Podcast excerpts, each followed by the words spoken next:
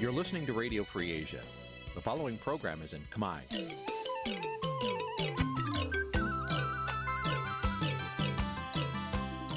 នេះជាកម្មវិធីផ្សាយ Vuthu Azizi Serai នេះជាកម្មវិធីផ្សាយរបស់ Vuthu Azizi Serai ជាភាសាខ្មែរ Vuthu Azizi Serai សូមស្វាគមន៍លោកអ្នកនាងទាំងអស់ពីរដ្ឋធានី Washington នៃសហរដ្ឋអាមេរិក ពីរដ្ឋធានី Washington នាងខ្ញុំសុជីវីសូមជម្រាបសួរ លោកអ្នកនាងដែលកំពុងស្ដាប់ការផ្សាយរបស់ Vuthu Azizi Serai ទាំងអស់ជាទីមេត្រីយើងខ្ញុំសូមជូនកម្មវិធីផ្សាយសម្រាប់ព្រឹកថ្ងៃពុធ5រោចខែកដឹកឆ្នាំឆ្លូវត្រីស័កពុរសករាជ2565ចាប់ត្រូវនៅថ្ងៃទី24ខែវិច្ឆិកាគ្រិស្តសករាជ2021ចាស់ជាដំបូងនេះសូមអញ្ជើញលោកអ្នកនាង ស្ដាប់ព័ត៌មានប្រចាំថ្ងៃដែលមានមេត្តាដូចតទៅ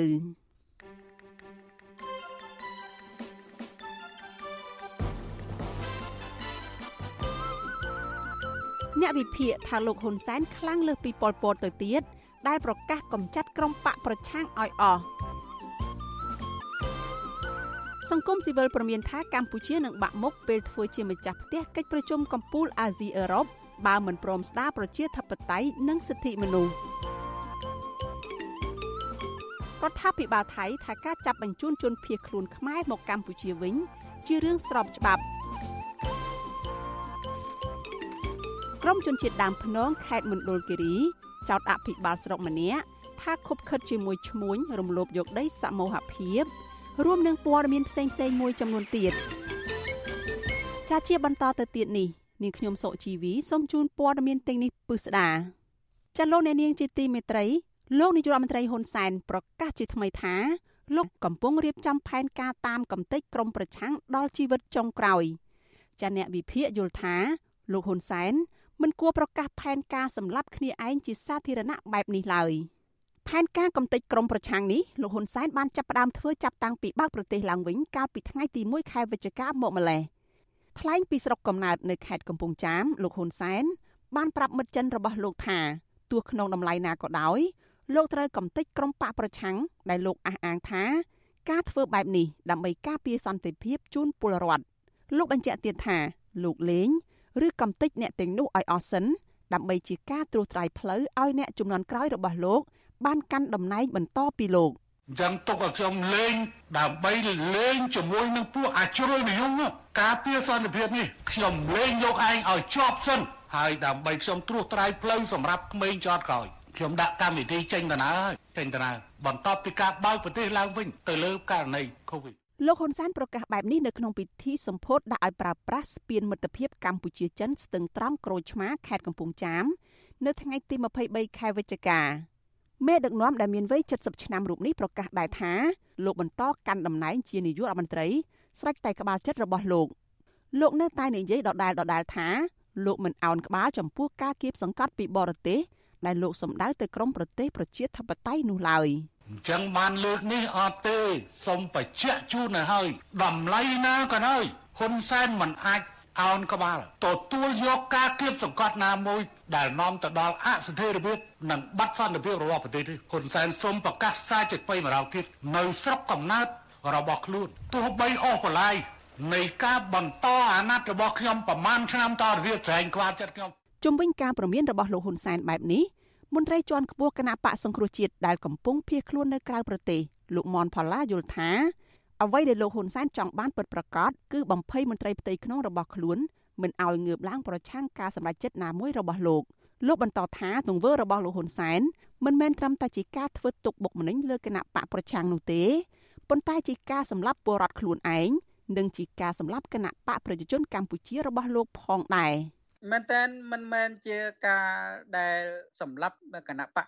សង្គ្រោះជាតិក៏ដូចជាគណៈបកប្រឆាំងនោះទេបាទគឺជាការសម្លាប់ប្រទេសជាតិទាំងមូលហើយពិសេសជាងនេះទៅទៀតគឺសម្លាប់គណៈបកប្រជាជនខ្លួនឯងផងដែរបាទដោយសារខ្លួនឯងគឺជាអ្នកដឹកនាំប្រទេសជាអ្នកកាន់អំណាចហើយដូច្នេះហើយគឺស្លាប់ព្រមគ្នាជាមួយអំពើដែលលោកហ៊ុនសែនបានធ្វើឡើងនៅពេលនេះហើយនឹងទៅថ្ងៃអនាគត អ្នកវិភាគនយោបាយដែលកំពុងភៀសខ្លួននៅប្រទេសហ្វាំងឡង់លោកកឹមសុខនិយាយថាលោកហ៊ុនសែនខ្លាំងលើសពីប៉ុលពតទៅទៀតដែលបានកាឡៃពាក្យសន្តិភាពប្រកាសកម្ចាត់ខ្មែរគ្នាឯងជាចំហលោកបន្តទៀតថាលោកហ៊ុនសែនហ៊ានធ្វើគ្រប់បែបយ៉ាងក្នុងការសម្អាតក្រុមប្រឆាំងដើម្បីសម្រេចផែនការផ្ទេរអំណាចទៅឲ្យកូនប្រុសច្បងរបស់លោក គឺលោកហ៊ុនម៉ាណែតអ្វីដែលគាត់និយាយគឺឆ្លោះបញ្ចាំងអំពីការដឹកនាំរបស់គាត់ដែលសាហាវជាងពលពត គឺប្រកាសកំចាត់ខ្មែរជាចំហតែម្ដងហើយក្រោមការដឹកនាំរបស់គាត់ មានការកាប់សម្លាប់ជាសាធារណៈសម័យពលពតធ្វើស្ងាត់ស្ងាត់ទេណាហៅទៅរៀនហៅពេលយប់ហើយមិនសម្លាប់ជាសាធារណៈទេនេះមិនមែនជាលើកទី1ទេដែលលោកហ៊ុនសែនប្រមានកំទេចក្រមប្រឆាំង កាលពីឆ្នាំ2018មេដឹកនាំដែលកាន់អំណាចបានយូររូបនេះបានប្រកាសផែនការកំទេចលោកសំរងស៊ីដោយលោកធ្លាប់បានកំទេចប៉ុលពតដែរចាប់តាំងពីរដ្ឋាភិបាលកម្ពុជានិងរដ្ឋាភិបាលថៃបើកប្រទេសឡើងវិញកាលពីថ្ងៃទី1ខែវិច្ឆិកាមកសកម្មជននិងអ្នកគាំទ្រគណៈបកសង្គ្រោះជាតិចំនួន3នាក់ហើយត្រូវបានសមត្ថកិច្ចថៃចាប់បញ្ជូនទៅឲ្យសមត្ថកិច្ចកម្ពុជា ក្រៅពីនេះក៏មានសកម្មជនគណៈបកសង្គ្រោះជាតិជាង30នាក់ទៀតត្រូវបានជន់មិនស្គាល់មុខវាយឲ្យរបួសធ្ងន់ធ្ងរប៉ុន្តែសមត្ថកិច្ចនៅមិនទាន់ចាប់ជនប្រព្រឹត្តទាំងនោះបាននៅឡើយទេចំណែកយុវជនគណៈបកសង្គ្រោះជាតិនៅខណ្ឌជ្រោយចង្វារាជធានីភ្នំពេញលោកស៊ិនខុនដែលមានអាយុ31ឆ្នាំត្រូវសម្លាប់ដោយជនមិនស្គាល់មុខមួយក្រុមព្រួតកាប់ត្រូវជាច្រើនកំបិតកាលពីថ្ងៃទី21ខែវិច្ឆិកា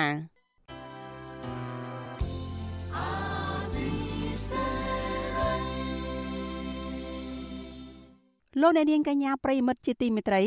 ចាត់តាក់ទងនឹងមុខមាត់កម្ពុជានៅលើឆាកអន្តរជាតិឯណោះវិញមន្ត្រីសិទ្ធិមនុស្សនិងអ្នកជំនាញកិច្ចការបោះឆ្នោតចង់ឃើញរដ្ឋាភិបាលដោះស្រាយបញ្ហាសិទ្ធិមនុស្សនិងលទ្ធិប្រជាធិបតេយ្យដែលកំពុងធ្លាក់ចុះខ្លាំងនៅកម្ពុជា ដើម្បីធ្វើជាគំរូដល់ប្រទេសដទៃការលើកឡើងនេះស្របពេលដែលកម្ពុជាធ្វើជាម្ចាស់ផ្ទះនៃកិច្ចប្រជុំកំពូលលំដាប់អន្តរជាតិដ៏ធំមួយគឺកិច្ចប្រជុំអាស៊ីអឺរ៉ុបឬ ASEM ជាលើកដំបូងនៅក្នុងប្រវត្តិសាស្ត្ររបស់ខ្លួន ពួកគេប្រមានថាប្រសិនបើស្ថានភាពនយោបាយនៅតែអាក្រក់ហើយរដ្ឋាភិបាល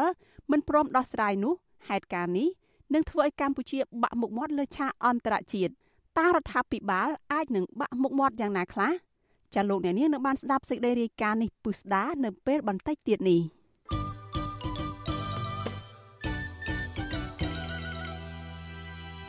លោកអ្នកនាងកញ្ញាជាទីមេត្រីលោកអ្នកនាងកំពុងតាមដានការផ្សាយរបស់ Vithu Azizi Serai ផ្សាយចេញពីរដ្ឋធានី Washington សហរដ្ឋអាមេរិកចាសសេចក្តីរាយការណ៍ពីប្រទេសថៃឲ្យដឹងថា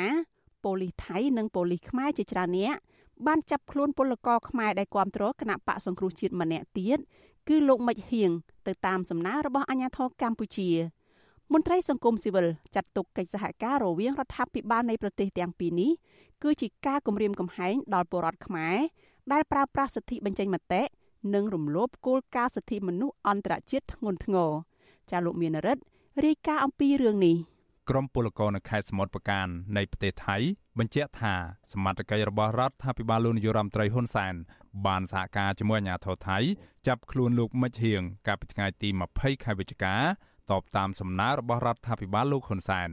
បច្ចុប្បន្នអាជ្ញាធរថៃបានបញ្ជូនគាត់ទៅមន្ទីរឃុំឃាំងរបស់ប៉ូលីសអន្តោប្រវេសន៍ នៅសួនភ្លូនៃទីក្រុងបាងកកហើយ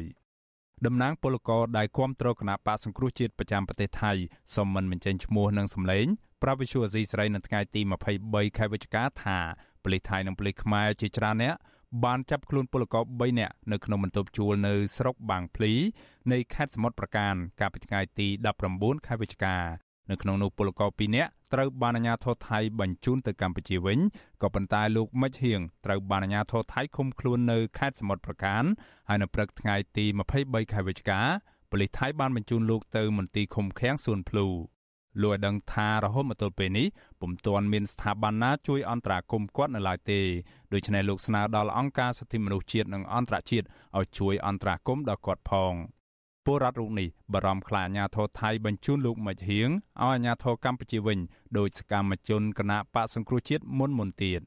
ចំណែកឯថកែរបស់លោកមិចហៀងគឺលោកទុនទុំឲ្យដឹងថាក្រោយទទួលដំណឹងពីការចាប់ខ្លួនបុគ្គលិកភ្លាមលោកបានទៅសួរនាំអំពីមូលហេតុនៃការចាប់ខ្លួននេះដែរដោយប៉ូលីសថៃបញ្ជាក់ថាការចាប់ខ្លួននេះគឺធ្វើឡើងតាមសំណើរបស់អាជ្ញាធរកម្ពុជាដោយសារតែលោកមិចហៀងជាប់ពាក់ព័ន្ធនឹងរឿងនយោបាយកន្លងមក លោកស្នើដល់អាជ្ញាធរថៃឲ្យដោះលែងបុគ្គលិករបស់លោកមកវិញព្រោះគាត់ជាពលរដ្ឋស្លូតត្រង់ហើយប្រឹងប្រែងធ្វើការជាពិសេសតែងតែចូលរួមកិច្ចការងារសង្គមជាប្រចាំខាងខ្មែរគាត់តែមកចាប់ខ្លួនឯងសហការមួយខាងថៃខ្ញុំគាត់តែចង់ដឹងថាពីបុលហេតុអីដែលពេលគេនិយាយចឹងហើយគេឲ្យយើងស៊ើបអង្កេតតទៅមុខទៀតទេហើយបើថាបទអក្រិតគាត់នៅក្នុងប្រទេសថៃធ្វើអីខុសច្បាប់អីគឺមានទេគឺថាខាងនយោបាយខាងខ្មែរមកដែរ វិសុវអាស៊ីស្រីមិនអាចតាក់ទងណែនាំពីអគ្គស្នងការដ្ឋាននគរបាលជាតិលោកឆៃកំខឿននិងមន្ត្រីស្ថានទូតខ្មែរប្រចាំប្រទេសថៃដើម្បីសុំការបញ្ជាក់ជុំវិញរឿងនេះបាននៅឡើយទេនៅថ្ងៃទី23ខែវិច្ឆិកាដោយទូរស័ព្ទហៅចូលតែពុំមានអ្នកទទួលលោកមិច្ហៀងគឺជាពលករខ្មែរធ្វើការនៅប្រទេសថៃ មានស្រុកកំណើតនៅខេត្តកំពង់ចាម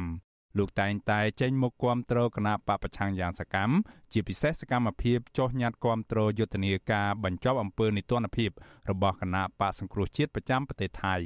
ចំណែកនៅក្នុងបណ្ដាញសង្គម Facebook របស់លោកវិញលោកបានបង្ហោះសារជាបន្តបន្ទាប់ដោយរិះគន់អំពើអយុត្តិធម៌នៅក្នុងសង្គមបញ្ហារបស់ពលករឆ្លងជំងឺ Covid-19 និងការបំបិទសិទ្ធិសេរីភាពពលរដ្ឋរួមទាំងទាមទារអរដ្ឋាភិបាល ដែលដឹកនាំដោយគណៈបកប្រជាជនកម្ពុជាដោះលែងសកម្មជននយោបាយសកម្មជនបរិស្ថាន និងសកម្មជនសង្គមឲ្យមានសេរីភាពផងដែរជុំវិញរឿងនេះមន្ត្រីកម្មវិធីផ្នែកទេសន្តប្រវេសនៃមជ្ឈមណ្ឌលសម្ព័ន្ធភាពការងារនិងសិទ្ធិមនុស្សហៅកាត់ថាអង្គការសង្ត្រាល់លោកឌីថេហូយ៉ា ថ្លែងថាបរដ្ឋាភិបាលថៃនិងរដ្ឋាភិបាលកម្ពុជាសហការគ្នាចាប់ខ្លួនពលករខ្មែរដែលគ្រាន់តែប្រើប្រាស់សិទ្ធិសេរីភាពនៃការបញ្ចេញមតិនិងសិទ្ធិនយោបាយនោះគឺជាការរំលោភបំពានសិទ្ធិមនុស្សធ្ងន់ធ្ងរដែលត្រូវបានធានាដោយរដ្ឋធម្មនុញ្ញនិងកតិកាសញ្ញាអន្តរជាតិស្តីពីសិទ្ធិមនុស្សនិងសិទ្ធិនយោបាយលោកសង្កេតឃើញថានារយៈពេលចុងក្រោយនេះរដ្ឋាភិបាលនៃប្រទេសទាំងពីរហាក់មិនខ្វល់ខ្វាយអំពីបញ្ហារំលោភបំពានសិទ្ធិមនុស្សនោះឡើយ ដែលធ្វើឲ្យពលកររងនឹងការធ្វើទុកបុកម្នេញការគៀបសង្កត់និងការគំរាមកំហែងនៅក្នុងនាមអង្គការសង្គមស៊ីវិលយើងសូមពៀមនាវឲ្យរដ្ឋាភិបាលនៅក្នុងតំបន់សម្រួលនិងបង្កើតបរិយាកាសឲ្យប្រជាពលរដ្ឋបានរស់នៅដោយគាត់អាចចេញមតិរបស់គាត់បានតាមរយៈការធានាដោយច្បាប់ជាតិនិងអន្តរជាតិហើយសូមផ្ដល់នូវសេវាការការពារប្រជាពលរដ្ឋឲ្យគាត់បានរស់នៅប្រកប សេចក្តីថ្លៃថ្នូរថ្មីថ្មីនេះអាញាធរថៃបានចាប់បញ្ជូនជនភៀសខ្លួនដែលជាសកម្មជនគណបកប្រឆាំងសរុបចំនួន3នាក់ហើយមកកម្ពុជាវិញក្នុងនោះរួមមានលោកវឿងសំណាង លោកវឿនវាសនា និងលោកស្រីឡាញ់ថាវរី ដោយបញ្ជូនឲ្យអាញាធរកម្ពុជាហើយពួកគេត្រូវបានតុលាការចោទប្រកាន់ពីបទរួមគំនិតក្បត់និងបទញុះញង់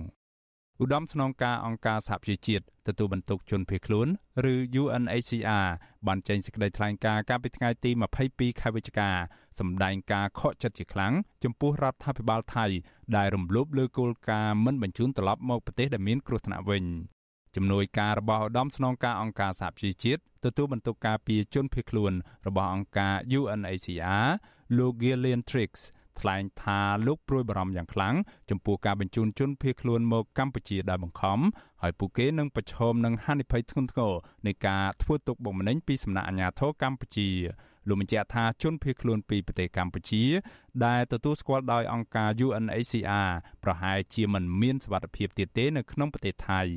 លោកអំពីវនាវអរដ្ឋាភិបាលថៃបញ្ឈប់ការចាប់បញ្ជូនជនភៀសខ្លួន ដែលទទួលបានសិទ្ធិជាជនភៀសខ្លួនពីអង្គការសហប្រជាជាតិ ហើយត្រូវបំពេញកាតព្វកិច្ចអន្តរជាតិរបស់ខ្លួន ជាពិសេសត្រូវគោរពតាមគោលការណ៍មិនបញ្ជូនត្រឡប់មកប្រទេសដែលមានគ្រោះថ្នាក់វិញ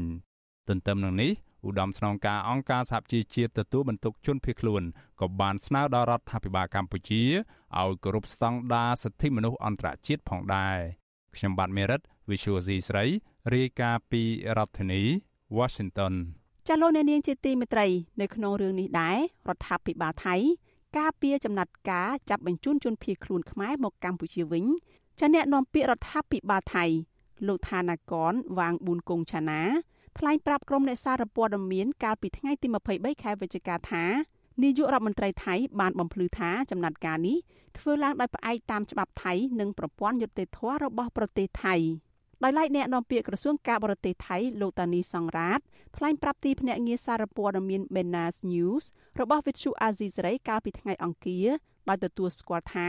ពិតជាមានការចាប់បញ្ជូនក្រុមមនុស្សមួយចំនួនកាលពីពេលថ្មីៗនេះមែនក៏ប៉ុន្តែលោកអះអាងថាក្រុមមនុស្សទាំងនោះសុទ្ធតែជាជនអន្តោប្រវេសន៍ខុសច្បាប់លោកថាប្រទេសថៃនឹងបន្តសម្របសម្រួលយ៉ាងដិតដល់ជាមួយភ្នាក់ងារពាក់ព័ន្ធនានាដើម្បីធានាថាការចាប់បញ្ជូនទាំងនេះ ធ្វើឡើងស្របតាមគោលការណ៍និងកាតព្វកិច្ចអន្តរជាតិដោយឡែកនាយកការិយាល័យអន្តោប្រវេសន៍ប្រចាំខេត្តស្រះកែវវរៈសេនីយ៍ឯករងថងមុនថ្លែងប្រាប់ទីភ្នាក់ងារ Benas News ដដែលថាភៀកគីថៃនឹងពិនិត្យមើលថាតើអ្នកដែលត្រូវអាជ្ញាធរថៃចាប់បញ្ជូនទាំងនោះពិតជាទទួលបានសិទ្ធិជាជនភៀសខ្លួនដោយឧត្តមស្នងការអង្គការសហប្រជាជាតិទទួលបន្ទុកជនភៀសខ្លួននោះមែនដែរឬទេ ផ្ទុយពីការថ្លែងការពីចំណាត់ការរបស់អាជ្ញាធរថៃទាំងនេះនាយករងទទួលបន្ទុកកិច្ចការតំបន់អាស៊ីនៃអង្គការឃ្លាំមើលសិទ្ធិមនុស្សអន្តរជាតិ Human Rights Watch លោកភី Robertson ថ្លែងប្រាប់វិទ្យុអាស៊ីសេរីថាប្រទេសថៃ មានកាតព្វកិច្ចការពារជនភៀសខ្លួននិងគោរពសិទ្ធិមនុស្សជាពិសេសលោកគូបញ្ជាក់ថាទោះក្នុងកលៈទេសៈណាក៏ដោយប្រទេសថៃមិនត្រូវចាប់បញ្ជូនជនភៀសខ្លួនដែលទទួលស្គាល់ដោយអង្គការ UNHCR ឲ្យត្រឡប់មកប្រទេសដែលពួកគេ ប្រឈមនឹងការធ្វើទុកបុកម្នេញនោះទេលោកថាចំណាត់ការចាប់បញ្ជូនជនភៀសខ្លួនខ្មែរកន្លងមកនេះគឺជាអំពើជ្រុលហួសហេតុនិងមិនអាចទទួលយកបាននោះទេព្រោះជាការរំលោភសិទ្ធិមនុស្សនិងកាតព្វកិច្ចគាំពៀជនភៀសខ្លួនលោកសង្កត់ធ្ងន់ថា ការនេះបង្ហាញថានាយករដ្ឋមន្ត្រីថៃលោកប្រយុទ្ធច័ន្ទអូចា និងរដ្ឋាភិបាលរបស់លោកឲ្យតម្លៃតិចតួចដល់បញ្ហាសិទ្ធិមនុស្ស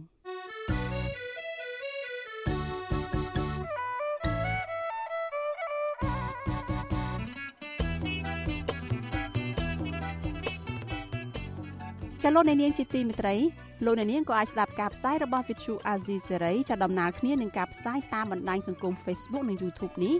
តាមរយៈវិទ្យុរលក ធាតុអាកាសខ្លីឬ Shortwave តាមកម្រិតនិងកម្ពស់ដូចតទៅនេះចាប់ពេលព្រឹកចាប់ពីម៉ោង5កន្លះដល់ម៉ោង6កន្លះតាមរយៈរលកធាតុអាកាសខ្លី9390 kHz ស្មើនឹងកម្ពស់ 32m និង11850 kHz ស្មើនឹងកម្ពស់ 25m ពេលយប់ចាប់ពីម៉ោង7កន្លះដល់ម៉ោង8កន្លះតាមរយៈរលកធាតុអាកាសខ្លី9390 kHz ស្មើនឹងកម្ពស់ 32m និង15155 kHz ស្មើនឹងកម្ពស់ 20m លោកអ្នកនាងកញ្ញាប្រិមិត្តជាទីមេត្រីចាសសេចក្តីរាយការណ៍តកតទៅនឹងឃាតកម្មលើសកម្មជនគណៈបកប្រឆាំងវិញម្ដង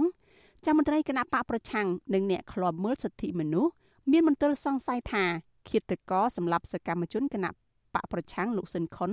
ដែលអាជ្ញាធរចាប់ខ្លួនបាននោះគឺជាឃាតករសពនិមិត្តចាស់ប្រតិកម្មរបស់បកប្រឆាំងនិងសង្គមស៊ីវិលនេះ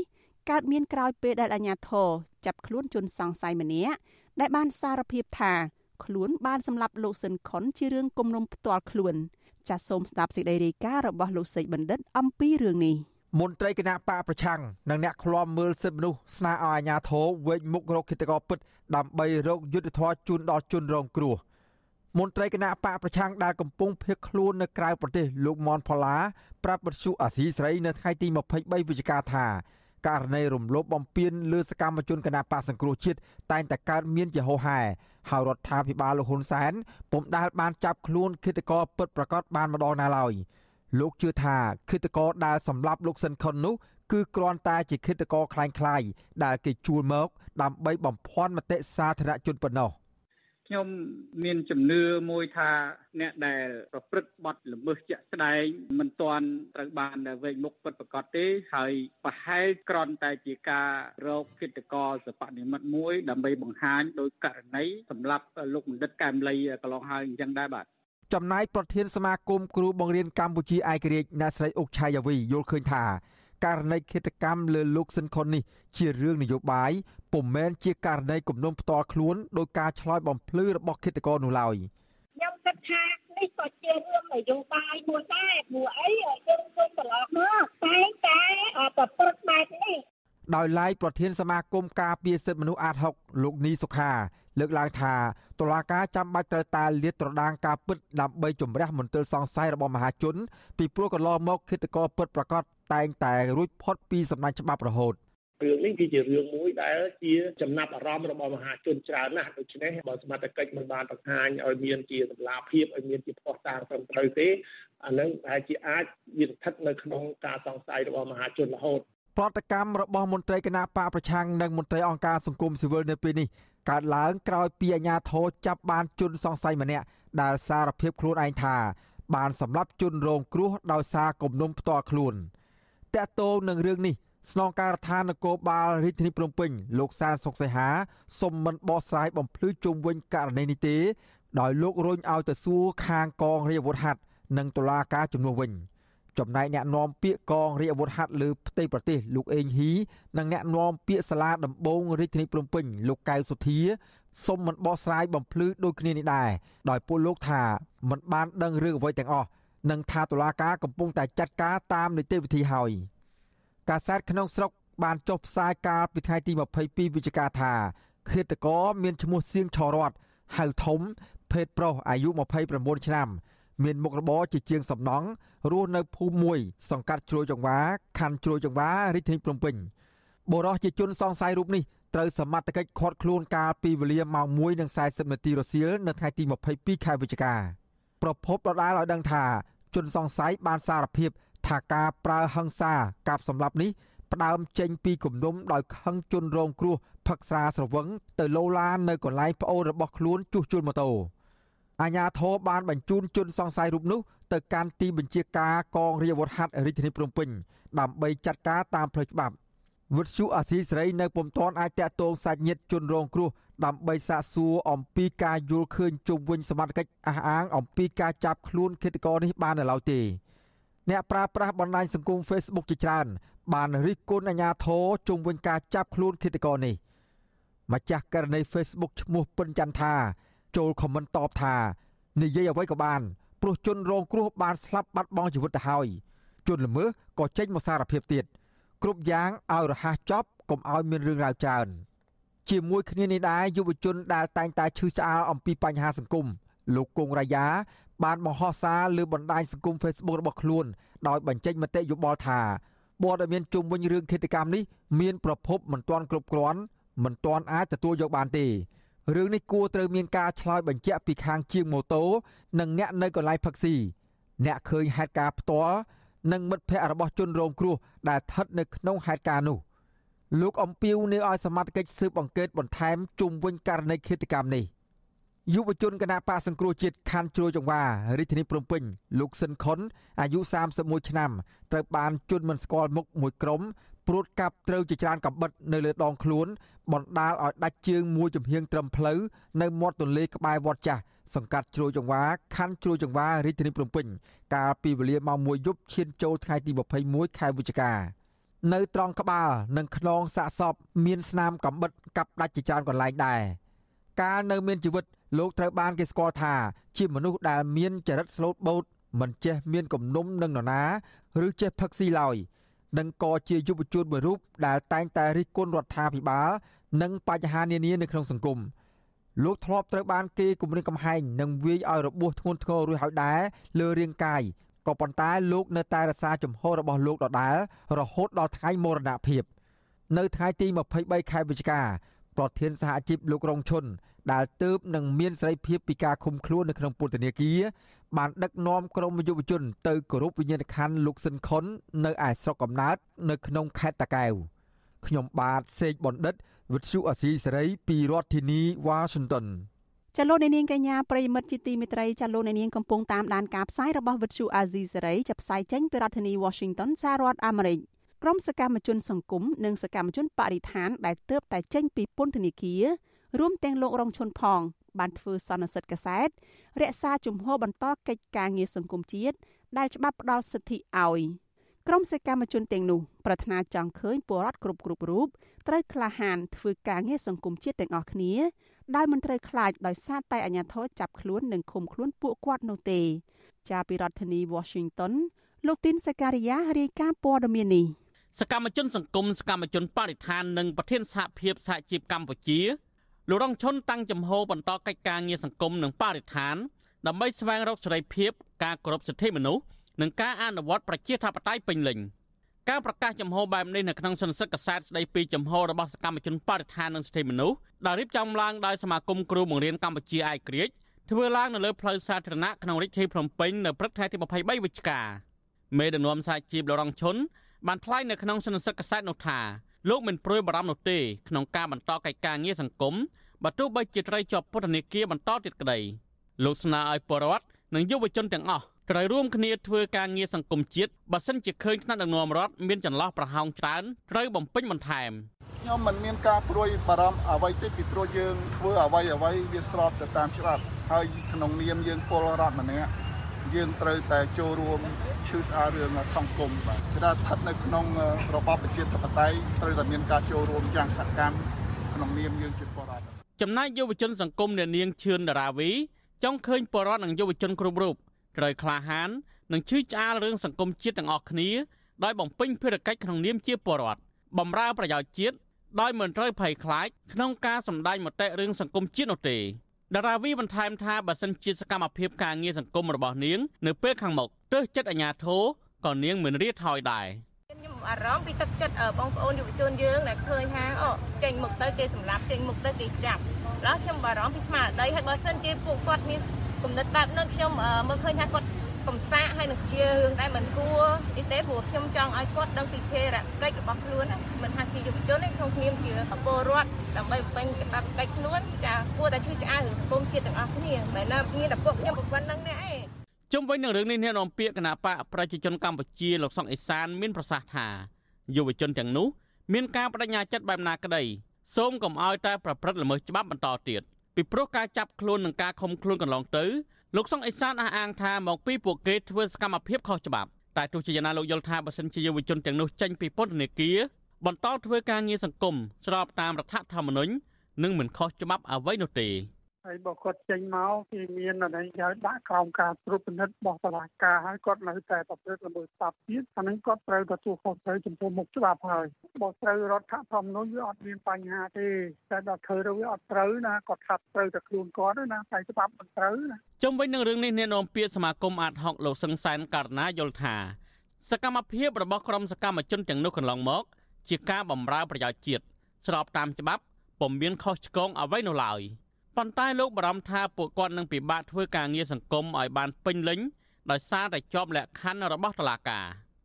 តឡាការគួរតែមានការទម្លាក់ចោលនៅបទចោតប្រកាន់ដែលទៅលើពួកគាត់ទាំងអស់អ្វីដែលជាសកម្មភាពពួកគាត់ហ្នឹងគឺបានធ្វើឡើងស្របទៅតាមសិទ្ធិសេរីភាពជាមូលដ្ឋាននៅក្នុងសង្គមលទ្ធិប្រជាធិបតេយ្យដែលអ្វីដែលការបំពេញទាំងអស់ហ្នឹងក៏ជាប្រយោជន៍មកដល់សង្គមកម្ពុជាយើងផងដែរមួយទៀតនោះក៏គួរតែបញ្ចប់នៅការដាក់លក្ខខណ្ឌទាំងឡាយហ្នឹងដើម្បីឲ្យពួកគាត់បានអនុវត្តសិទ្ធិសេរីភាពរបស់ពួកគាត់ឲ្យបានពេញលេញ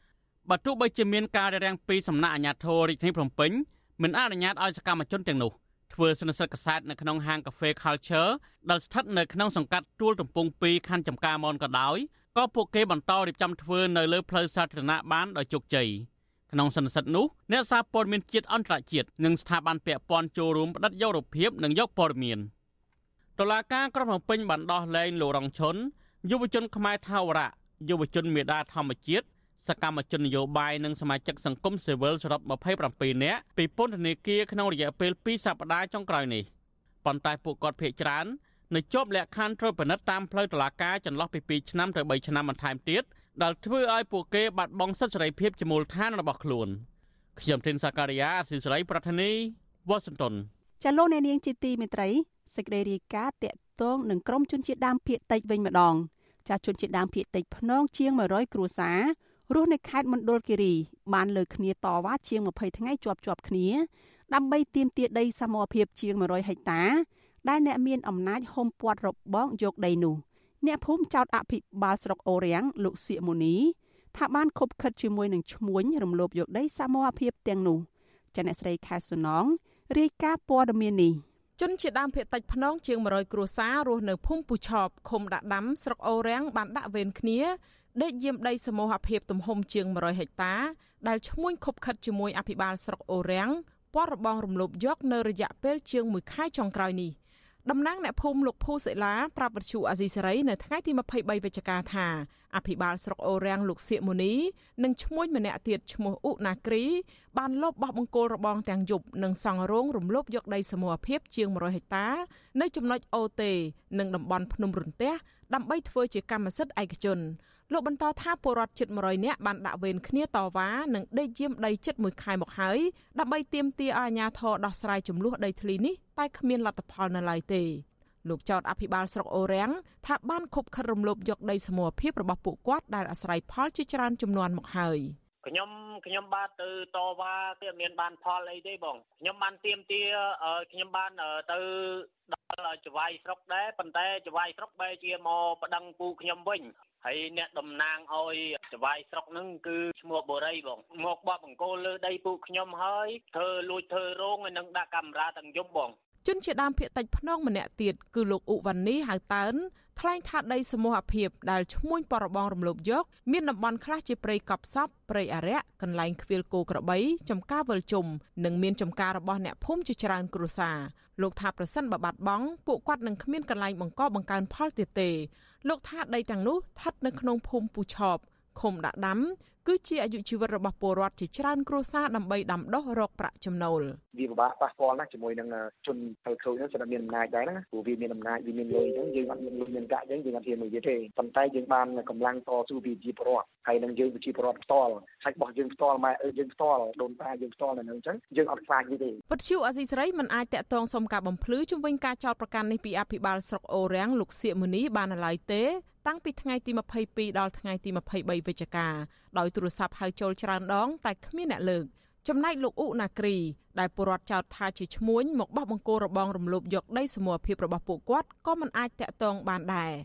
រីឯអ្នកនាំពាក្យសាលាខេត្តមណ្ឌលគិរីលោកសុនសារមនិងអភិបាលខេត្តមណ្ឌលគិរីលោកថងសាវុនក៏វិទ្យុអស៊ីសេរីមិនអាចតាក់ទងបានដែរនៅថ្ងៃដដែលនេះប៉ុន្តែអ្នកភូមិអះអាងថាអភិបាលខេត្តថ្មីលោកថងសាវុន បានបញ្ជាឲ្យមន្ត្រីជំនាញចុះស្រាវជ្រាវនិងស៊ើបអង្កេតជុំវិញចំនួនដីធ្លីនេះដើម្បីរកដំណោះស្រាយតែមកទល់ពេលនេះនៅមិនទាន់មានលទ្ធផលនៅឡើយទេរីឯទីប្រឹក្សាបណ្ដាញសហគមន៍ជនជាដើមភាគតិចភ្នងលោកក្រើងដុល្លារសង្កេតឃើញថាដីមានចំនួននោះគឺជាដីដែលសេសសល់ពីក្រុមហ៊ុនឯកជនដែលកាត់ជ្រៀលផលប៉ះពាល់តាមរូបមន្តស្បែកខ្លារបស់រដ្ឋាភិបាលព្រោះអ្នកភូមិបានអាស្រ័យផលតាំងពីបុរាណកាលមក លោកអំពីលនីវអាញាធរខេត្តផ្ដាល់ដំណោះស្រាយក្នុងរឿងចំនួនដីធ្លីនេះដោយយុត្តិធម៌ ព្រោះការបរបងយកដីដ៏ធំធេងនេះកំពុងបំផ្លាញប្រភពចំណូលរបស់អ្នកភូមិហ្នឹងហើយហើយដីដែលសេសសល់ទាំងអស់ពីក្រុមហ៊ុនហ្នឹងគួរតែបកគលឲ្យប្រជាពលរដ្ឋអាស្រ័យផលទៅពីព្រោះដីហ្នឹងបានលើប្រជាពលរដ្ឋប្រជាពលរដ្ឋអភិវឌ្ឍដើម្បីសង្គមជាតិយើងទេអញ្ចឹងណាបើសិនជាដីសេសសល់អាជ្ញាធរនាំគ្នាលក់ទិញលក់ហើយនាំគ្នាផ្ទេអាហ្នឹងវាជារឿងមួយដែលខុសពីច្បាប់ហើយអាជ្ញាធរក៏ត្រូវទទួលខុសត្រូវទាំងស្រុង រាល់ផលប៉ះពាល់ទាំងអស់ជុំវិញរឿងនេះមន្ត្រីពង្រឹងសិទ្ធិអំណាចសហគមន៍នៃសមាគមអាត់ហុកលោកប៉ែនប៊ុនណាពន្យល់ថាដីសមរភាពជាទ្រព្យសម្បត្តិរបស់រដ្ឋគ្មានបុគ្គលណាមានសិទ្ធិកាន់កាប់គ្រប់គ្រងជាកម្មសិទ្ធិឯកជនបានទេដរាបណារដ្ឋាភិបាលមិនទាន់ធ្វើអនុប្រយោគលោកជំរុញឲ្យអាជ្ញាធរមណ្ឌលគិរីពន្លឿនដោះស្រាយចំនួនដីធ្លីនេះជូនពលរដ្ឋដោយយុត្តិធម៌និងតម្លាភាពចា៎នេះខ្ញុំខែសុណងវັດឈូអាស៊ីសេរីរាយការណ៍ពីរដ្ឋធានី Washington លោកអ្នកនាងកញ្ញាប្រិយមិត្តជាទីមេត្រីមន្ត្រីសិទ្ធិមនុស្សនិងអ្នកជំនាញកិច្ចការបោះឆ្នោតចង់ឃើញរដ្ឋាភិបាលដោះស្រាយបញ្ហាសិទ្ធិមនុស្សនិងលទ្ធិប្រជាធិបតេយ្យដែលកំពុងធ្លាក់ចុះខ្លាំងនៅកម្ពុជា ដើម្បីធ្វើជាគំរូដល់ប្រទេសដទៃ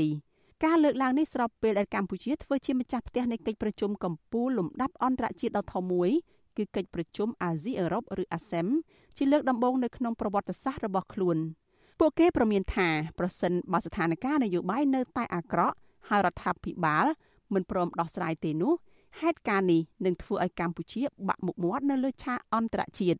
ចាលោកមានរិទ្ធមានសេចក្តីរាយការណ៍ដាច់ដោយឡែកមួយទៀតអំពីរឿងនេះព្រឹត្តិការណ៍ដ៏លេចធ្លោមួយនៅមុនអំណាចឆ្នាំ2021នេះដែលកម្ពុជាទំនងជាអាចមានឱកាសធ្វើឲ្យអន្តរជាតិស្គាល់កាន់តែច្បាស់នោះគឺការរៀបចំធ្វើជាម្ចាស់ផ្ទះនៃកិច្ចប្រជុំកំពូលអាស៊ីអឺរ៉ុប ឬអាសឹមលើកទី13ដែលនឹងប្រព្រឹត្តទៅតាមប្រព័ន្ធវីដេអូចាប់ពីថ្ងៃទី25ដល់ថ្ងៃទី26ខែវិច្ឆិកា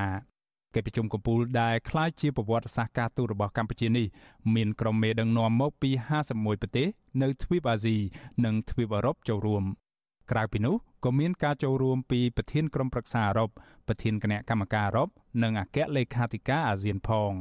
ក៏ប៉ុន្តែឱកាសនៃការធ្វើឲ្យអន្តរជាតិស្គាល់ពីរឿងរ៉ាវល្អៗនៅក្នុងសង្គមកម្ពុជាដោយតាមការឃោសនាចង់បានរបស់គណៈបកកណ្ដាលអំណាចរបស់លោកនាយរដ្ឋមន្ត្រីហ៊ុនសែននោះប្រហែលជាមានតិចតួចណាស់ស្របពេលដែលរដ្ឋាភិបាលរបស់លោក នៅតែបន្តមិនព្រមស្ដារប្រជាធិបតេយ្យនិងសិទ្ធិមនុស្សឡើងវិញ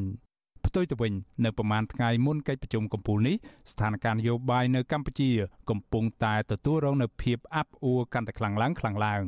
ជាក់ស្ដែងករណីឃាតកម្មលើសកម្មជនគណៈបពប្រឆាំងលោកស៊ិនខុនករណីអាញាធរខ្មែររំលោភច្បាប់អន្តរជាតិដោយសហការជាមួយរដ្ឋាភិបាលថៃចាប់បញ្ជូនជនភៀសខ្លួនទទួលស្គាល់ដោយអង្គការសហប្រជាជាតិពីប្រទេសថៃឲ្យមកទទួលទោសទណ្ឌនៅកម្ពុជាវិញនិងចុងក្រោយករណីលោកនាយករដ្ឋមន្ត្រីហ៊ុនសែនខ្លួនឯងប្រកាសបន្តយុទ្ធនាការតាមយាយី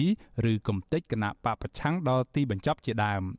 ក្រមមន្ត្រីអង្គការសង្គមស៊ីវិលមើលឃើញថាករណីទាំងអស់នេះនឹងរឹតតែធ្វើឲ្យកម្ពុជា បាក់មុខមាត់នៅចំពោះមុខអន្តរជាតិទៅវិញទេ ក្នុងពេលដែលខ្លួនធ្វើជាប្រធានកិច្ចប្រជុំកំពូលអាស៊ាននេះ ប្រធានសមាគមការពារសិទ្ធិមនុស្សអាត6លោកនីសុខាថ្លែងប្រាប់វិសុយអេស៊ីស្រីកាលពីថ្ងៃទី23ខែវិច្ឆិកាដោយប្រមានថាកម្ពុជានឹងកាន់តែរងនឹងការរិះគន់កាន់តែខ្លាំងបើនៅតែមិនព្រមលើកយកពីបញ្ហាសិទ្ធិមនុស្សនិងវិបត្តិប្រជាធិបតេយ្យនៅកម្ពុជាមកដោះស្រាយក្នុងពេលដែលខ្លួនធ្វើជាម្ចាស់ផ្ទះនៃកិច្ចប្រជុំនេះ យើងឃើញថ្មីថ្មីហ្នឹងគឺមានប្រទេសភូមាមួយហើយគាត់ថាដែលមានគេបង្ហាញអំពីការអតនកម្មមួយនៅក្នុងកិច្ចប្រជុំអាស៊ានដែលពីមុនកន្លងមកនេះនោះភូមាមិនទាន់ជាការ នៅកម្ពុជាយើងខ្លាយទៅជាម្ចាស់ផ្ទះនៃកិច្ចប្រជុំនឹងទៅទៀតដូច្នេះខ្ញុំគិតថាចង់មិនចង់ទោះបីយ៉ាងណាក៏ដោយក្នុងប្រការណាក៏ដោយបើសិនបើយើងមិនបានស្ដារឡើងវិញនៅបញ្ហានៃការគោរពសិទ្ធិមនុស្សដោយអ្វីដែលជាការលើកឡើងរបស់បណ្ដាប្រទេសផ្សេងផ្សេងទេខ្ញុំគិតថានឹងវាវាដាច់ខាតទៅតែប៉ះពាល់ទៅដល់មុខមាត់នៃកម្ពុជាហើយ ស្តៀងគ្នានេះដែរអ្នកសម្របសម្រួលផ្នែកអង្គការនៃអង្គការឃ្លាំមើលកិច្ចការបោះឆ្នោត Confrel លោកកុនស្វាង ចង់ឃើញកម្ពុជាធ្វើជាគំរូនៅក្នុងពេលដឹកនាំកិច្ចប្រជុំកំពូលនេះដោយបង្ហាញពីភាពក្លាហានហ៊ានលើកយកពីប្រធានបទពាក់ព័ន្ធនឹងវិបត្តិប្រជាធិបតេយ្យនិងសិទ្ធិមនុស្សនៅកម្ពុជាខ្លួនឯងនិងនៅក្នុងតំបន់អាស៊ានមកដោះស្រាយឬស្វែងរកអន្តរាគមន៍ សម្រាប់ខ្ញុំដែលជាសង្គមស៊ីវិលយើងខ្ញុំចង់ឃើញភាពជាគំរូនៅក្នុងអាស៊ានបាទជាពិសេសការលើកយកអំពីបញ្ហាសិទ្ធិមនុស្សបញ្ហាតាក់ទងនឹងប្រជាធិបតេយ្យហើយនឹងការបោះឆ្នោតដែលចំណុចទាំងអស់នេះវាជារឿងសំខាន់ណាស់ដែលយើងអ្វីដែលយើងមើលឃើញនៅក្នុងអាស៊ានហាក់ដូចជាមានបញ្ហារឿងជាច្រើនបាទជាពិសេសយើងមើលទៅខាងខាងមីយ៉ាន់ម៉ានៅខាងថៃក៏ដូចជាកម្ពុជាយើងជាដើមចឹងជឿថាគេមានបញ្ហារឿងនឹងតាក់ទងរឿងការបោះឆ្នោតតាក់ទងរឿងការសិទ្ធិមនុស្សហើយនិងប្រជាធិបតេយ្យនឹង លោកកនស្វាងពន្យល់ថាបញ្ហាសំខាន់ជុំវិញវិបត្តិប្រជាធិបតេយ្យនៅក្នុងតំបន់នោះគឺការមិនព្រមទទួលស្គាល់និងធានានៅឆន្ទៈរបស់ប្រជាពលរដ្ឋដែលជាម្ចាស់ឆ្នោតពិតប្រាកដរឿងសំខាន់គឺការទទួលស្គាល់នៅការធានាអំពីឆន្ទៈរបស់ប្រជារដ្ឋការបើកសេរីលំហនៃកិច្ចការនយោបាយដើម្បីឲ្យមានការប្រកួតប្រជែង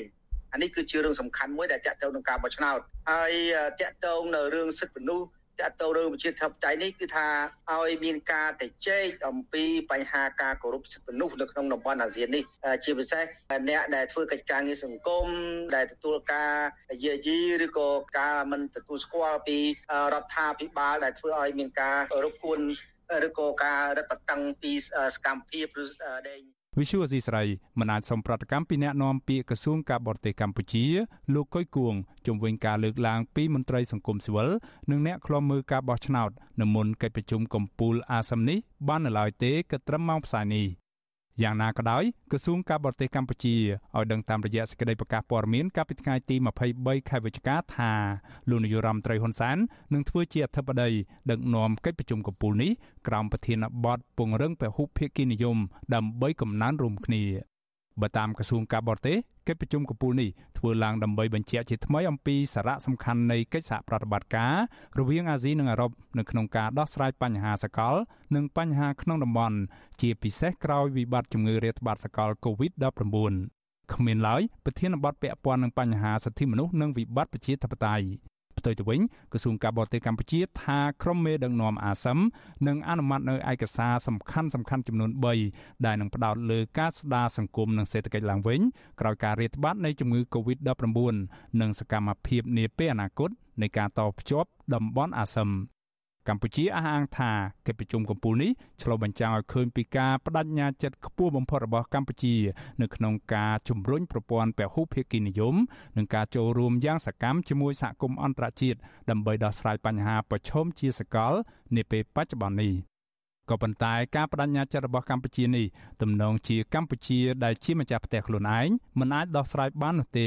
ស្របពេលដែលលោកនាយរដ្ឋមន្ត្រីហ៊ុនសែនបន្តប្រមានពីការតាមបន្តយាយីឬកំចាត់ក្រុមអ្នកដែលមាននិន្នាការនយោបាយប្រឆាំងនឹងលោកដល់ទីបញ្ចប់នៅតែប្រមាណថ្ងៃមុនពេលដឹកនាំកិច្ចប្រជុំកំពូលនេះអញ្ចឹងទុកឲ្យខ្ញុំលេងដើម្បីលេងជាមួយនឹងពួកអាជ្រុលនិយមការពារសន្តិភាពនេះខ្ញុំលេងលោកឯងឲ្យជាប់សិន ហើយដើម្បីខ្ញុំត្រួសត្រាយផ្លូវសម្រាប់ក្មេងចតក្រោយខ្ញុំដាក់កម្មវិធីចេញដំណើរហើយចេញដំណើរបន្ទាប់ពីការបើកប្រទេសឡើងវិញទៅលើករណី Covid គេនៅរងចាំមើលថាតើលោកនាយករដ្ឋមន្ត្រីហ៊ុនសែនក្លាហានហ៊ានបញ្ចេញសារបង្កប់ដោយអំពើហិង្សាទាំងនេះទៅកាន់ក្រុមមេដឹកនាំអន្តរជាតិនៅអំឡុងពេលដែលលោកដឹកនាំកិច្ចប្រជុំកំពូលនេះដែរឬទេ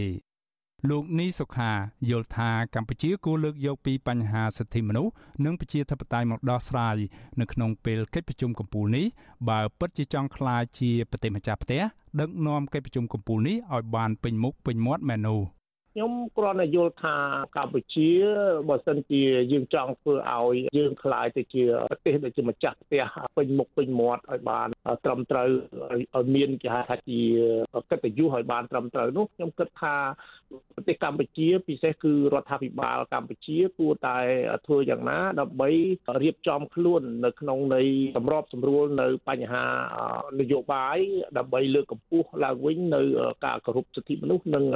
គោលការណ៍ប្រជាធិបតេយ្យសេរីភូប៉ាដូចស្របទៅនឹងអ្វីដែលកម្ពុជាជាប្រទេសហត្ថលេខីនៃកតិកាសញ្ញាស្តីពីសិទ្ធិពលរដ្ឋនយោបាយពិសេសគឺកតិកាសញ្ញាអន្តរជាតិទាក់ទងទៅនឹងបញ្ហាសិទ្ធិមនុស្សនោះគណៈកម្មការអឺរ៉ុបធ្លាប់បញ្ជាក់ចំហយ៉ាងច្បាស់ប្រាប់វិសុយអស៊ីសេរីកាលពីខែកក្កដាថា ការអនុញ្ញាតឲ្យកម្ពុជាធ្វើជាម្ចាស់ផ្ទះរៀបចំកិច្ចប្រជុំកំពូលអាស៊ីអឺរ៉ុបឬអាស៊ានលើកទី13តាមប្រព័ន្ធអ៊ីនធឺណិតនេះមិនមែនមានន័យថាសហភាពអឺរ៉ុបទទួលស្គាល់ថាកម្ពុជា បានស្ដារសិទ្ធិមនុស្សនិងប្រជាធិបតេយ្យដែលកំពុងតែធ្លាក់ចុះដុនដាបនោះទេ កិច្ចប្រជុំកំពូលអាស៊ាននេះដើរតួនាទីយ៉ាងសំខាន់នៅក្នុងការលើកកម្ពស់ភាពជាដៃគូនិងកិច្ចសហប្រតិបត្តិការរវាងទ្វីបអាស៊ីនិងអឺរ៉ុបដើម្បីលើកកម្ពស់សន្តិភាព វិបុលភាព សេដ្ឋកិច្ចនិងការអភិវឌ្ឍសង្គមកិច្ចប្រជុំកំពូលនេះប្រព្រឹត្តទៅរៀងរាល់2ឆ្នាំម្ដងដោយបដូរវេនគ្នាធ្វើជាម្ចាស់ផ្ទះគឺម្ដងប្រព្រឹត្តនៅក្នុងប្រទេសណាមួយជារដ្ឋសមាជិកនៅអឺរ៉ុបហើយម្ដងទៀតនៅអាស៊ីខ្ញុំបាទមេរិត Visual C ស្រីរាយការណ៍ពីរដ្ឋធានី Washington Bye.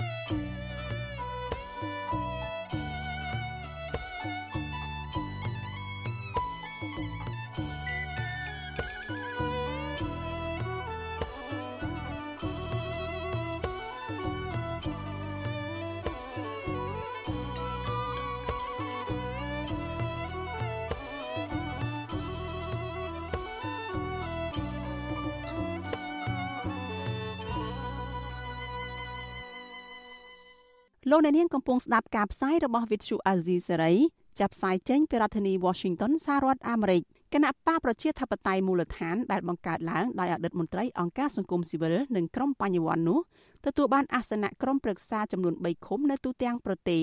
នៅក្នុងការបោះឆ្នោតក្រុមប្រឹក្សាឃុំសង្កាត់កាលពីឆ្នាំ2017ចាក្នុងចំណោម3ឃុំនោះ មានមួយឃុំ ស្ថិតនៅខេត្តរតនគិរីគឺឃុំប៉ាតេដែលជាតំបន់សម្បូរដោយជនជាតិដើមភាគតិចរស់នៅតើក្រុមប្រឹក្សាឃុំប៉ាតេនៃគណៈបកប្រជាធិបតេយ្យមូលដ្ឋានសម្រាប់បានលទ្ធផលអ្វីខ្លះហើយពួកគាត់ត្រៀមខ្លួនយ៉ាងដូចម្តេចសម្រាប់ការបោះឆ្នោតឆ្នាំ2022ខាងមុខចាលោកមួងណារ៉េតរាយការណ៍អំពីរឿងនេះ។ ឃុំប៉ាតេស្រុកអូយ៉ាដាវខេត្តរតនគិរី មានអាសនៈក្រុមប្រឹក្សាឃុំចំនួន5នៅក្នុងនោះ3អាសនៈគ្រប់គ្រងដោយគណៈបកប្រជាជនកម្ពុជា និង2អាសនៈទៀតគ្រប់គ្រងដោយគណៈបកប្រជាធិបតេយ្យមូលដ្ឋានគណៈបកប្រជាជនកម្ពុជាទទួលបានតំណែងជាមេឃុំជំទប់ទី1និងសមាជិកក្រុមប្រឹក្សាម្នាក់រីឯគណៈបកប្រជាធិបតេយ្យមូលដ្ឋានវិញគណៈបកនេះកាន់ការងារជាជំទប់ទី2និងសមាជិកក្រុមប្រឹក្សាម្នាក់ ជំទប់ទី2ខុំប៉ាតេកូតាគណៈបកប្រជាធិបតេយ្យមូលដ្ឋានលោកខ្លានភួនឲ្យវិទ្យុអាស៊ីសេរីដឹងថារយៈពេល4ឆ្នាំមកនេះឃុំរបស់លោកសម្រេចបានសមិទ្ធផលជាច្រើនដូចជាការគៀកោរដ្ឋាភិការដើម្បីជួសជុលនិងកសាងផ្លូវលំនៅក្នុងឃុំ ការដោះស្រាយវិវាទដីធ្លីក្រៅប្រព័ន្ធតុលាការការសម្របសម្រួលឲ្យប្រជាពលរដ្ឋទទួលបានកម្ចីការវាស់វែងទទួលស្គាល់ដីធ្លីដែលប្រជាពលរដ្ឋកាន់កាប់និងការផ្តល់សេវាសាធារណៈដទៃទៀត។ លោកបញ្ជាក់ថាសមិទ្ធផលទាំងនេះកើតចេញពីកិច្ចសហការល្អរវាងក្រុមប្រឹក្សាឃុំទាំងពីរគណៈបកពីព្រោះលោកថារាល់សេចក្តីសម្រេចចិត្តនៅក្នុងឃុំសុទ្ធតែធ្វើឡើងដោយការពិគ្រោះយោបល់គ្នាយើងបានប្រឹងប្រែងទាំងពីរគណៈបកយើងបានចុះផ្ទាល់គ្រប់អត់មានបញ្ហាក្នុងសហគមន៍ហើយយើងក៏បានជួយបំពេញសេវាសាធារណៈក្នុងសាលាឃុំអីក្នុងនាមជាជំទប់ទី2យើងបានជួយការងារច្រើនទៅលើការបំពេញបែបបទឯកសារជាមួយស្មានឬជំនួយការឃុំ ឃុំប៉ាតេមានភូមិចំនួន4និងមានពលរដ្ឋសរុបជិត800គ្រួសារដែលស្មើនឹងជិត3000នាក់ប្រជាពលរដ្ឋភៀកច្រើនគឺជាជនជាតិដើមភៀកតិចចរាយដែលប្រកបមុខរបរធ្វើស្រែចម្ការដាំដំឡូងមីនិងស្វាយចន្ទីជាដើមពលរដ្ឋម្នាក់នៅឃុំប៉ាតេលោកវិរៈសង្កេតឃើញថានៅក្នុងអាណត្តិទី4នេះ ឃុំរបស់លោកមានការរីកចម្រើនគួរឲ្យកត់សម្គាល់នៅពេលដែលមានវត្តមានរបស់គណៈបកប្រជាធិបតេយ្យមូលដ្ឋានលោកថ្លែងទៀតថាក្រុមប្រឹក្សាឃុំទាំងពីរគណៈបកហាក់ដូចជាយកចិត្តទុកដាក់នៅក្នុងការបម្រើផលប្រយោជន៍ប្រជាពលរដ្ឋជាធំលោកបញ្ជាក់ថាភាពខុសគ្នារវាងភាគីទាំងពីរគឺខាងគណៈបកប្រជាជនកម្ពុជាមានធនធានច្រើនទាំងលុយកាក់និងធនធានមនុស្ស ស្របពេលដែលគណៈបកប្រជាធិបតេយ្យមូលដ្ឋានមានធនធានតិចជាងក៏ប៉ុន្តែពួកគេស្គាល់ទុកកង្វល់និងទទួលយកមតិយោបល់របស់ប្រជាពលរដ្ឋច្រើនជាងប្រៀបធៀបទៅអាណត្តិមុនអាណត្តិនេះអាណត្តិនេះជាលឿនជាងមុនហើយស្វាសន្តិសង្គមមើលទៅស្ដាយជាងមុនព្រោះអាណត្តិមុនមុនដូចអត់មានអាពើទេព្រោះអានេះវាមានបច្ចេកគ្នាអញ្ចឹងមានគណៈបក2ធ្វើការក្នុងគុំសង្កាត់អញ្ចឹងណាចង់ប្រកបពឹងប្រើទាំងអស់គ្នាដែរ តកតងទៅនឹងការបំពេញមុខងារជាមន្ត្រីមូលដ្ឋានបម្រើប្រយោជន៍ប្រជាពលរដ្ឋនេះជំទប់ទី2ខុំប៉ាតេលោកខ្លានភួនបញ្ជាក់ថាខាងលោកនិងមន្ត្រីកោតាគណៈបកប្រជាជនកម្ពុជា សហការគ្នាយ៉ាងពេញលេញដោយមិនមានភាពល្អក់កកអ្វីនោះទេក៏ប៉ុន្តែចំណុចមួយដែលលោកមិនពេញចិត្តនោះគឺតកតងនឹងសេរីភាពខាងនយោបាយ លោកខ្លានភួនអះអាងថាមេឃុំនឹងក្រុមប្រឹក្សាខាងគណៈបកប្រជាជនកម្ពុជាព្រមទាំងប៉ូលីសប៉ោះច្រើនតែសួរនាំពួកលោកនឹងតាមឃ្លាំមើលនៅពេលដែលថ្នាក់ដឹកនាំឬក្រុមការងាររបស់គណៈបកប្រជាធិបតេយ្យមូលដ្ឋានចុះមកឃុំប៉ាតេម្ដងម្ដងក្នុងនាមខ្ញុំផ្ទាល់ជាជំទប់ទី2និងជាមន្ត្រី GDP ក្នុងឃុំទេក៏មិនសប្បាយចិត្តចំពោះទង្វើដែលគេធ្វើចង់ដឹងចង់ឮដោយសារក្នុងនាមជាគណៈបកនីមួយៗចង់ជួបផ្ទាល់សកម្មជនរបស់ខ្លួន គឺគេជែកជ្រែកគេចង់ដឹងចង់ឮគឺតាមដានតាមអីចឹងអានេះបញ្ហានឹងឆ្លើយតបនឹងរឿងនេះមេឃុំប៉ាតេលោកឆាយធីថ្លែងថាការសួរនាំកន្លងមកនោះគឺដោយសារខាងក្រុមការងាររបស់គណៈបកប្រជាធិបតេយ្យមូលដ្ឋានមិនបានជូនដំណឹងមកអាជ្ញាធរឃុំជាមុន លោកអះអាងថានេះគឺជាការអនុវត្តទូទៅដែលលោកថាសូម្បីតែក្រុមការងារគណៈបកប្រជាជនកម្ពុជាចុះមកធ្វើសកម្មភាពនៅមូលដ្ឋានក៏ត្រូវតែជូនដំណឹងមកខាងអាជ្ញាធរឃុំជាមុនដែរតើតើនឹងការគ្រប់គ្រងរដ្ឋបាលឃុំវិញលោកឆាយធីទទួលស្គាល់ថាសមិទ្ធផលដែលខាងឃុំសម្រេចបានក៏មានការចូលរួមចំណែកពីក្រុមប្រឹក្សាកោតាគណៈបកប្រជាធិបតេយ្យមូលដ្ឋានដែរយើងប្រឹងប្រែងបំរើជូនជាពលរដ្ឋក្នុងនោះក៏មានគណៈបកមូលដ្ឋានដូចគ្នាដែលមានតួនាទីជា ក្រុមប្រឹក្សាឃុំជំទប់ឃុំអីក៏ជួយចូលរួមសហការផងដែរបាទអានោះជាការខិតខំរបស់យើងក្នុងនាមរដ្ឋបាលឃុំបាទជំវិញកិច្ចសហការល្អរវាងក្រុមប្រឹក្សាឃុំមកពីគណៈបកផ្សេងគ្នានេះមន្ត្រីអង្គការសង្គមស៊ីវិលគូបញ្ជាក់ថានេះគឺជាចំណុចកន្លឹះនៃការអភិវឌ្ឍនៅក្នុងមូលដ្ឋានអ្នកសម្របសម្រួលផ្នែកអង្គការនៃអង្គការ Confrere លោកកនសវាង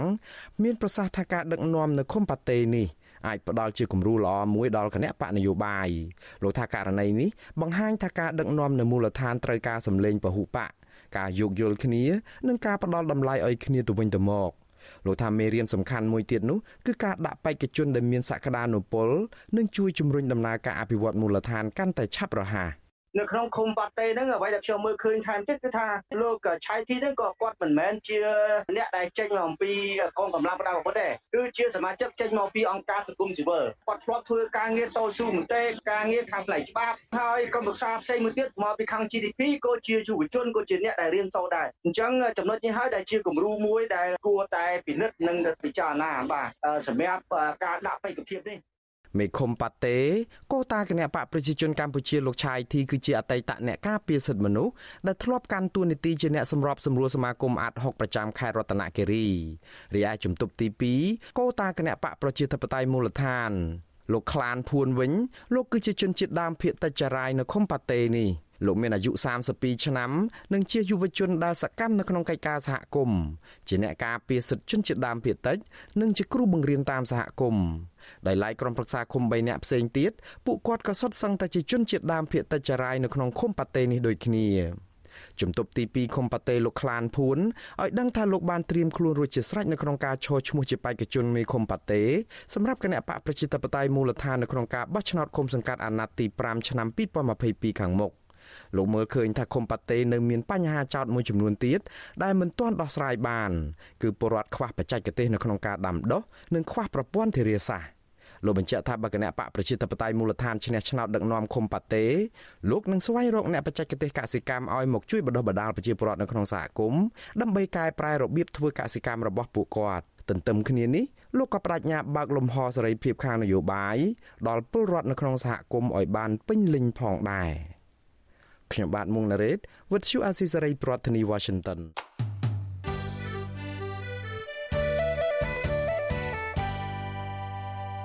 ចលនានាងកញ្ញាជាទីមេត្រី រដូវវស្សាបានបញ្ចប់ទៅហើយ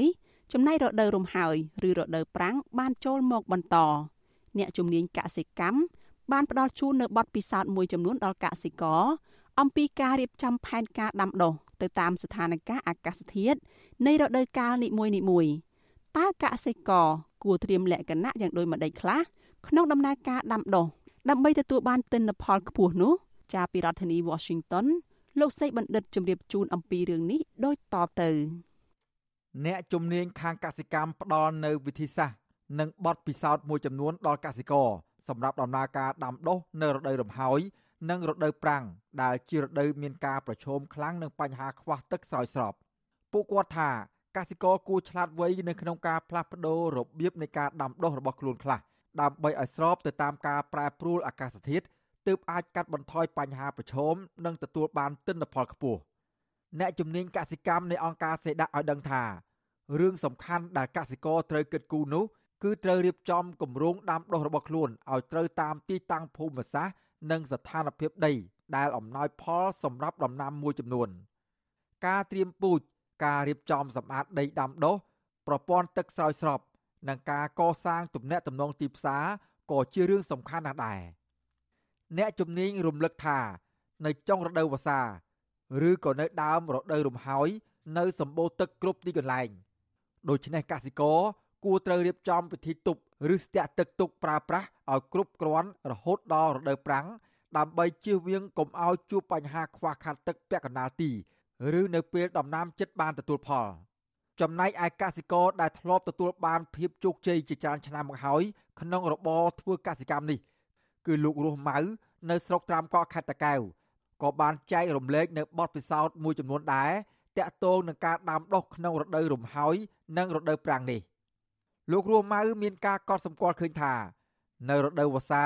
មានភ្លៀងច្រើនធ្វើឲ្យដីនៅតំបន់ទំនាបសើមខ្លាំង ទោះដល់រដូវរំហើយក៏ដោយក៏ដីនោះនៅមិនទាន់ស្ងួតល្មមដែលអាចដាំដុះបានល្អដែរ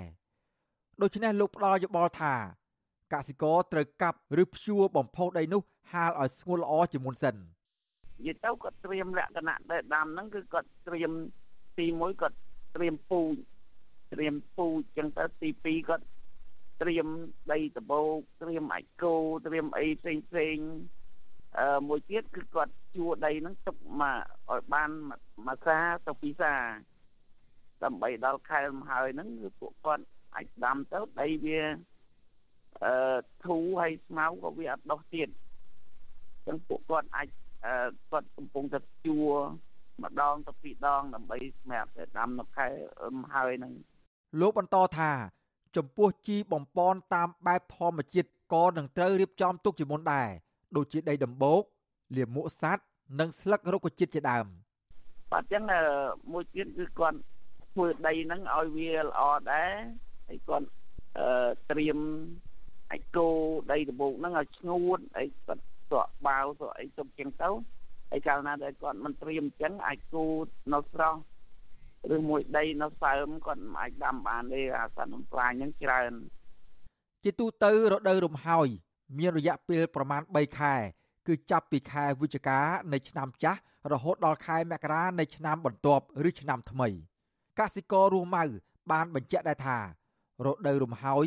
ជារដូវមួយដែលកសិករមានឱកាសដាំដុះបានទិន្នផលខ្ពស់ចំណែកគុណភាពដំណាំក៏ល្អដោយសារអាកាសធាតុអំណោយផល ដូចជាអាកាសធាតុត្រជាក់ល្មមពុំមានភ្លៀងធ្លាក់ជោកជាំខ្លាំងនិងពុំសូវមានសត្វល្អិតបំផ្លាញឡើយ លោករំលឹកថាការត្រៀមលក្ខណៈជាមុនក្នុងការដាំដុះនេះមិនធ្វើតែចំពោះរដូវរំហើយឬរដូវប្រាំងនោះទេ គឺត្រូវធ្វើឲ្យគ្រប់រដូវទាំងអស់ជាលក្ខណៈវល់ជុំតែធ្វើម៉េចដើម្បីដាំឲ្យបានអឺមកបានន័យថាមួយឆ្នាំពេញឲ្យដាំជុំវិលជុំអញ្ចឹងទៅណាអញ្ចឹងពួកគាត់អាចមើលដីណាដែលដីទួលដីណាដីអឺទំនៀមអញ្ចឹងដូចហើយអញ្ចឹងមកគាត់ដាំតដល់អឺដូវហើយតបអឺដូវហើយមកគាត់ដល់កាច់ជើងចាំងនោះគឺគាត់អាចដាំម្ដងទៀតឬមួយគាត់ប្រមូលផលទៅកន្លះហើយគឺគាត់ជួវាលុបដើម្បីទុកសម្រាប់ដាំបន្តទៀតបើចឹងពួកគាត់អាចធ្វើបានក្នុងមួយឆ្នាំហ្នឹងគឺគាត់ដាំបានពេញ អ្នកជំនាញកសិកម្មក៏បានផ្ដល់យោបល់ពាក់ព័ន្ធនឹងបញ្ហាទីផ្សារលក់កសិផលដែរថាកសិករគួរត្រូវសម្លឹងមើលរកទុកជាមុនដែរថាតើដំណាំណាខ្លះដែលជាតម្រូវការចាំបាច់របស់ទីផ្សារហើយក៏មិនគួរដាំមុខដំណាំដូចដូចគ្នាច្រើនពេកនៅក្នុងសហគមន៍តែមួយនោះដែរនាយិកាប្រតិបត្តិនៃមជ្ឈមណ្ឌលសិក្សានិងអភិវឌ្ឍកសិកម្មហៅកាត់ថាសេដាក់អ្នកស្រីតុងច័ន្ទធៀងមានប្រសាសន៍ថាការធ្វើផែនការឲ្យច្បាស់លាស់និងបច្ចេកទេសដាំដុះ ទៅតាមរដូវកាលនីមួយៗគឺជារឿងសំខាន់បច្ចេកទេសទាំងនោះមានដូចជាការរៀបចំដី ធ្វើថ្នាលដំណាំ ការដាក់ជីបំពន់ការជ្រើសរើសពូជឬការជ្រើសរើសប្រភេទដំណាំ ដែលធន់នឹងអាកាសធាតុតាមរដូវកាលនីមួយៗចាវាដោយវិសានឹងរដូវប្រាំងការរៀបចំដីគឺមានលក្ខណៈខុសគ្នាព្រោះរដូវវិសាគឺមានភ្លៀងធ្លាក់ចោលហើយអញ្ចឹងបើសិនជាក្នុងករណីតំបន់គាត់ដីគាត់ទៀត ដីថាភ្លៀងដក់ទឹកដក់ពេលភ្លៀងធ្លាក់ចោលនោះវាទឹកដក់ហើយទឹកដក់ដំណាំគាត់តាមអត់បានផលទេព្រោះវាអាចអលួយហើយទីផ្សារគាត់ថានេះសំឡំទឹកអញ្ចឹងក្នុងការរៀបចំដីបើសិនជាករណីដីពិសាគាត់ត្រូវលើករងឲ្យខ្ពស់លើករងខ្ពស់ពីបានន័យថាពេលទឹកភ្លៀងមកច្រើនវាអត់ជួមទឹកទេវាហូរស្រស់ទឹកបានលឿនហើយក្នុងតំបន់ខ្លះដែលថាគាត់ មិនអាចលើករងខ្ពស់បានទេព្រោះទឹកវាចំណីមែនទែនទឹកដក់ខ្លាំងហើយគាត់អាចស្នើស្នើដាក់ដាំបន្លែដាំអីបានព្រោះមានកសិករច្រើនដែរគាត់យកជំរើសនៃការធ្វើធ្នើនេះក្នុងការដាំបន្លែអឺបាននៃការដើរវិសាក៏គាត់ដាំបានដីប្រាំងក៏ដាំបានដែរលោកបណ្ឌិតយ៉ងសាងកូម៉ាអ្នកជំនាញកសិកម្មធ្លាប់បានផ្ដល់យោបល់ដែរថាកសិករគួរនាំគ្នាដាំដំណាំនៅរដូវប្រាំងឲ្យបានច្រើន ដើម្បីធ្វើជាគម្របដី ជួយរក្សា បង្កើនជីជាតិដី និងមានបន្លែហូបចុកគ្រប់គ្រាន់ជាពិសេសបង្កើនប្រាក់ចំណូលដល់ក្រុមគ្រួសារផងដែរលោកបន្តថា ការគ្រប់គ្រង និងរក្សាជីជាតិដីឲ្យបានល្អគឺជាភាពជោគជ័យដ៏ធំធេងរបស់កសិករក្នុងការបង្កើននូវទិន្នផលដំណាំ ដែលជាចំណែកមួយដ៏ធំសម្រាប់ជួយដល់សេដ្ឋកិច្ចគ្រួសារកសិករវិធីដាំដុះនៅរដូវប្រាំង នៅមានរបៀបជាច្រើនផ្សេងទៀតទៅតាមបទពិសោធន៍របស់កសិករនៅតាមតំបន់ផ្សេងផ្សេងគ្នាក៏ប៉ុន្តែអ្នកជំនាញបានផ្ដល់យោបល់ថា នៅទីណាក៏ដោយកសិករត្រូវការរៀបចំពូជជីថ្នាំបំពុលសត្វល្អិត ជាកត្តាសំខាន់ប៉ុន្តែត្រូវធ្វើឡើងតាមគោលការណ៍ធម្មជាតិសរីរាង្គដែលកាត់បន្ថយការចំណាយបានច្រើននិងធ្វើឲ្យពលរដ្ឋនៅក្នុងសហគមន៍មានសុខភាពល្អអ្នកជំនាញដដាលក៏បានផ្ដល់យោបល់ដែរថាកសិករនៅតំបន់ផ្សេងផ្សេង គួរជួបប្រជុំគ្នាឲ្យបានញឹកញាប់ដើម្បីផ្លាស់ប្ដូរបទពិសោធន៍គ្នាទៅវិញទៅមកព្រោះនៅតំបន់នីមួយៗតែងតែមានលក្ខណៈពិសេសរៀងៗខ្លួន ដែលចាំបាច់ឲ្យកសិកររៀនសូត្រពីគ្នាទៅវិញទៅមកខ្ញុំបាទសេកបណ្ឌិតវិទ្យុអាស៊ីសេរីពីរដ្ឋធានីវ៉ាស៊ីនតោន